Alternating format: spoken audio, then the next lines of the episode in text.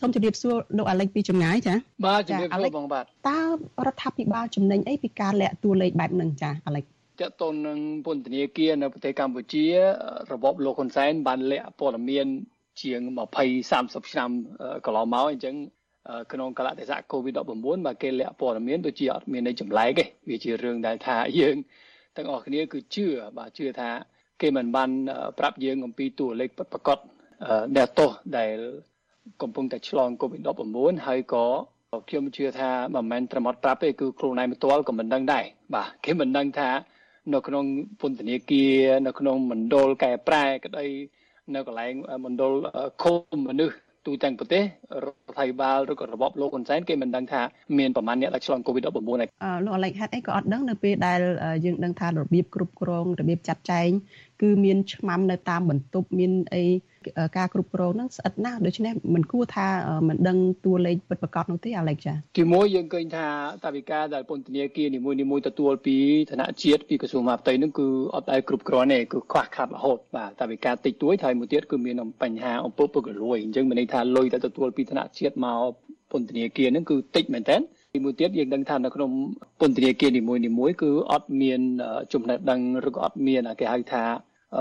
សមត្ថភាពច្រើនអីប្រហែលនេះទៅនឹងសុខភាពបើសិនជាយើងចង់តេស្ត COVID-19 ត្រឹមត្រូវតោះតែយើងធ្វើរបៀប PCR ភាសាអង់គ្លេស PCR ហ្នឹងហើយអាហ្នឹងក៏មិនថោកទេមួយឡើង70ដុល្លារ80ដុល្លារ90ដុល្លារអញ្ចឹងខ្ញុំគិតថានាយកដ្ឋានពន្ធនាគាររបស់ក្រសួងមហាផ្ទៃគឺអត់មានសមត្ថភាពអាឡិចថាខាងក្រសួងចោះថាគ្មានថាវិការគ្រប់គ្រាន់ប៉ុន្តែ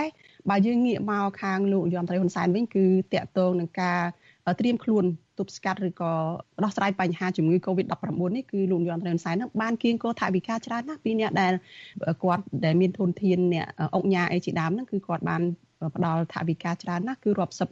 លានដុល្លារឯណោះតើរឿងនេះយ៉ាងម៉េចចាអាឡិចនៅតែខ្វះខាតទៀតយ៉ាងម៉េចអ្វីដែលលោកហ៊ុនសែនបាននិយាយកន្លងមកថារាយអង្គាប៉ុណ្ណេះលានប៉ុណ្ណេះលានពីអង្គញាពីអ្នករ៉ូស៊ីអឺ ទាំងស្របច្បាប់ទាំងខុសច្បាប់នឹងគឺជាតួលេខដែលយើងអាចចាត់ទុកជាតួលេខខ្យល់ដោយសារអីដោយសារគាត់តែមានពាក្យសម្ដីរបស់របបតា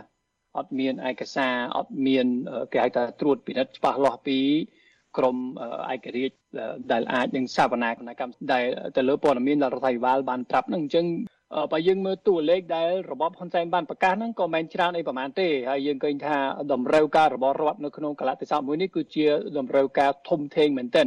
10000 20000ដុល្លារឬក៏1សែន2សែនដុល្លារគឺអត់គ្រប់គ្រាន់ទេគឺទៅតែចំណាយលុយរាប់លានដុល្លារហើយជាពិសេសគឺត្រូវតែមានជំនួយផ្នែកមនុស្សផ្នែកធនធានមនុស្សពីអង្គការអន្តរជាតិដែលមានជំនាញឧទាហរណ៍ថាអង្គការសុខភាពពិភពលោកអង្គការសហប្រជាជាតិអង្គការលីកាដូជាដើមអង្គការមជ្ឈមណ្ឌលសិទ្ធិមនុស្សឬក៏អង្គការផ្សេងផ្សេងហ្នឹងដែលមានជំនាញកាំងរឿងហ្នឹងទៅរដ្ឋាភិបាលរបបលោកហ៊ុនសែនអាចដោះស្រាយបញ្ហាបានប៉ុន្តែខ្ញុំឃើញកន្លងមក តាំងពីខែ2រហូតដល់បច្ចុប្បន្នហ្នឹងឡើង4ខែហើយហ្នឹងគឺអង្គការសង្គមស៊ីវិលសាច់ញាតិផងសូម្បីតែមេធាវីរបស់ជនជាប់ចោតហ្នឹងក៏មិនអនុញ្ញាតឲ្យចូលនៅក្នុងពន្ធនាគារដែរអញ្ចឹងគឺទី1ខ្វះតាវិការទី2ខ្វះសមត្ថភាពទី3គឺខ្វះចន្ទៈដើម្បីដោះស្រាយបញ្ហាបាទ យ៉ាងម៉េចអាឡិចនៅពេលនេះគួរតែមានការដោះលែងអីយ៉ាងម៉េចនៅពេលដែលនេះខ្ញុំបានឃើញហើយអង្គការមេដាធម្មជាតិនឹងបានលើកឡើងពីការស្នើសុំឲ្យមានការដោះលែងអ្នកទោសស្រាលស្រាលជាពិសេសដែលមិនទាន់បានកាត់ទោសមិនទាន់ជាប់ទោសទេហើយអ្នកដែលការពីបរិស្ថានអ្នកដែលធ្វើការងារសង្គមអីដែលកំពុងជាប់ឃុំគួរតែមានការដោះលែងជាពិសេសគឺសកម្មជនរបស់អង្គការមេដាធម្មជាតិរបស់អាឡិចនឹងតែម្ដងចា៎ អញ្ចឹងអាឡិចជួយលើកឡើងតិចមកថាតើការដោះលែងនឹងគួរតែធ្វើតាមរបៀបណាតើធ្វើយ៉ាងម៉េចខ្លះនិរមមានរបាយការណ៍មួយចំនួនដែលបានផ្សាយជាសាធារណៈជាភាសាអង់គ្លេសរយៈពេល1ឆ្នាំកន្លះកន្លងមកតាំងពីមាន COVID-19 ហើយមានរបាយការណ៍មួយដែលនិយាយថាពីខែ3ដល់ខែ7នៅក្នុងឆ្នាំ2020 អឺ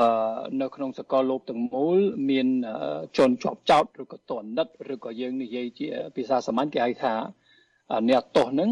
ចិត្តកន្លះលានអ្នកដែលបានដែលត្រូវបានដោះលែងដោយរដ្ឋាភិបាលនីមួយនីមួយមានរហូតដល់53ប្រទេសអាហ្នឹងនៅក្នុងរបាយការណ៍ហ្នឹងអញ្ចឹងមានន័យថា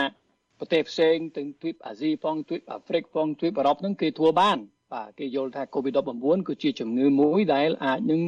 បំផ្លាញសុខភាពរបស់អ្នកនៅក្នុងពន្ធនាគារទើបគេដោះលែងទៅលើអ្នកណាដែលអាចនឹងដោះលែងបានឧទាហរណ៍ជាក់ស្ដែងយើងឃើញថានៅប្រទេសកម្ពុជា30ទៅ35%នៃ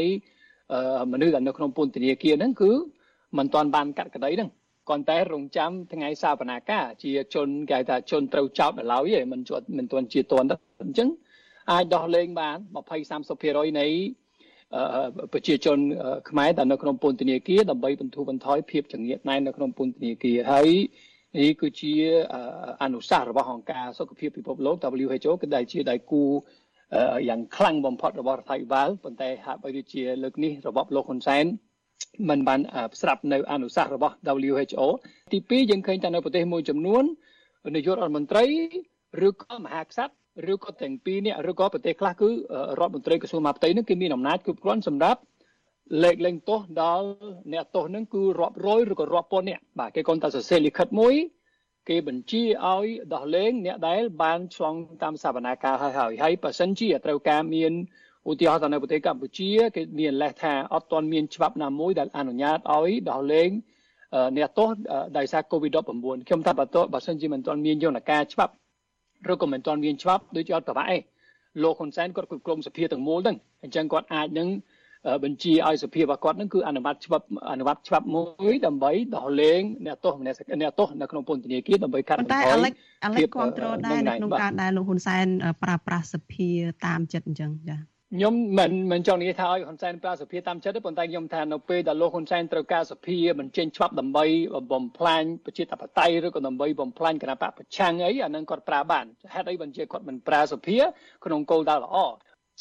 ដូច្នេះពេលដែលចង្អៀតណែនដល់កម្រិតហ្នឹងខ្ញុំថាដូចជារក្សាកម្លៀត រវាងម្នាក់និងម្នាក់1ម៉ែត្រកន្លះទៅ2ម៉ែត្រគឺអត់ទៅរួចទេអាហ្នឹងទី1ទី2ខ្យល់ចេញចូលនៅក្នុងបន្ទប់ឃុំគាំងក៏តិចមែនតើខ្ញុំធ្លាប់ឃើញជាក់ស្ដែងក្នុងពន្ធនាគារមួយចំនួនគឺអត់មានខ្យល់ចេញចូលទេហើយ COVID-19 ហ្នឹងគឺគួរថ្នាក់មែនទែននៅពេលដែលខ្យល់ចេញចូលគឺអត់គ្រប់គ្រាន់ទេហើយក៏ក្នុងប្រមាណរយៈពេលប្រមាណអាទិត្យទៅមុខទៀតអាចនឹងមានរាប់រយរាប់ពាន់នាក់ដោយប្រទេសថៃជាដើមពន្ធនាគារនៅឈៀងម៉ៃពន្ធនាគារនៅបាងកកហ្នឹងគឺអ្នកទោសដែលដែលឆ្លង COVID ហ្នឹងដូចជា50 60%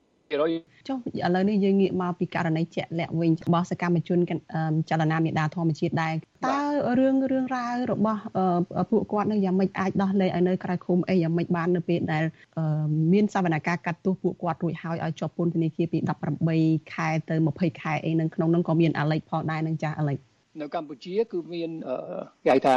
ជាន់ខ្ពស់នៃតឡាការគឺតឡាការឧទ្ធរអញ្ចឹងបើសិនជាមានចន្ទៈនយោបាយពិតប្រាកដ មានន័យថាបើសិនជាមានបញ្ជាពី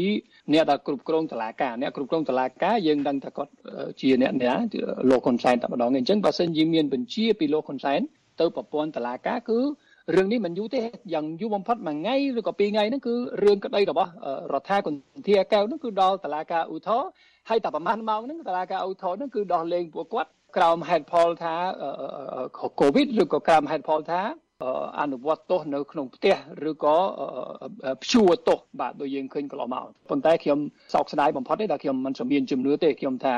ស្ថានភាពនៅក្នុងពន្ធនាគារកំពុងតែឆ្លងកូវីដនឹងគឺប្រហែលជាទាល់ឲ្យលោកហ៊ុនសែនសប្បាយចិត្តម្ដងដោយសារគាត់ថាកាលណាដែលស្ថានភាពក្នុងពន្ធនាគារពិបាកផងគឺ គាត់គិតថាប្រហែលជាបំឡាចដល់អ្នកដែលហ៊ាននិយាយកាប់ប៉ាត់បានអញ្ចឹងគាត់ប្រហែលជាសប្បាយចិត្តមើលទៅគាត់មិនមែនមានសក្តីអាណិតដល់សកម្មជនដល់យុវជនអីទេគាត់ជាមនុស្សដែលចិត្តចិត្តខ្មៅមនុស្សដែលចូលចិត្តធ្វើបាបទៅលើខ្មែរគ្នាឯងបាទអរគុណច្រើនអាឡិចជម្រាបលាត្រឹមប៉ុណ្ណេះអរគុណដូចគ្នាបាទ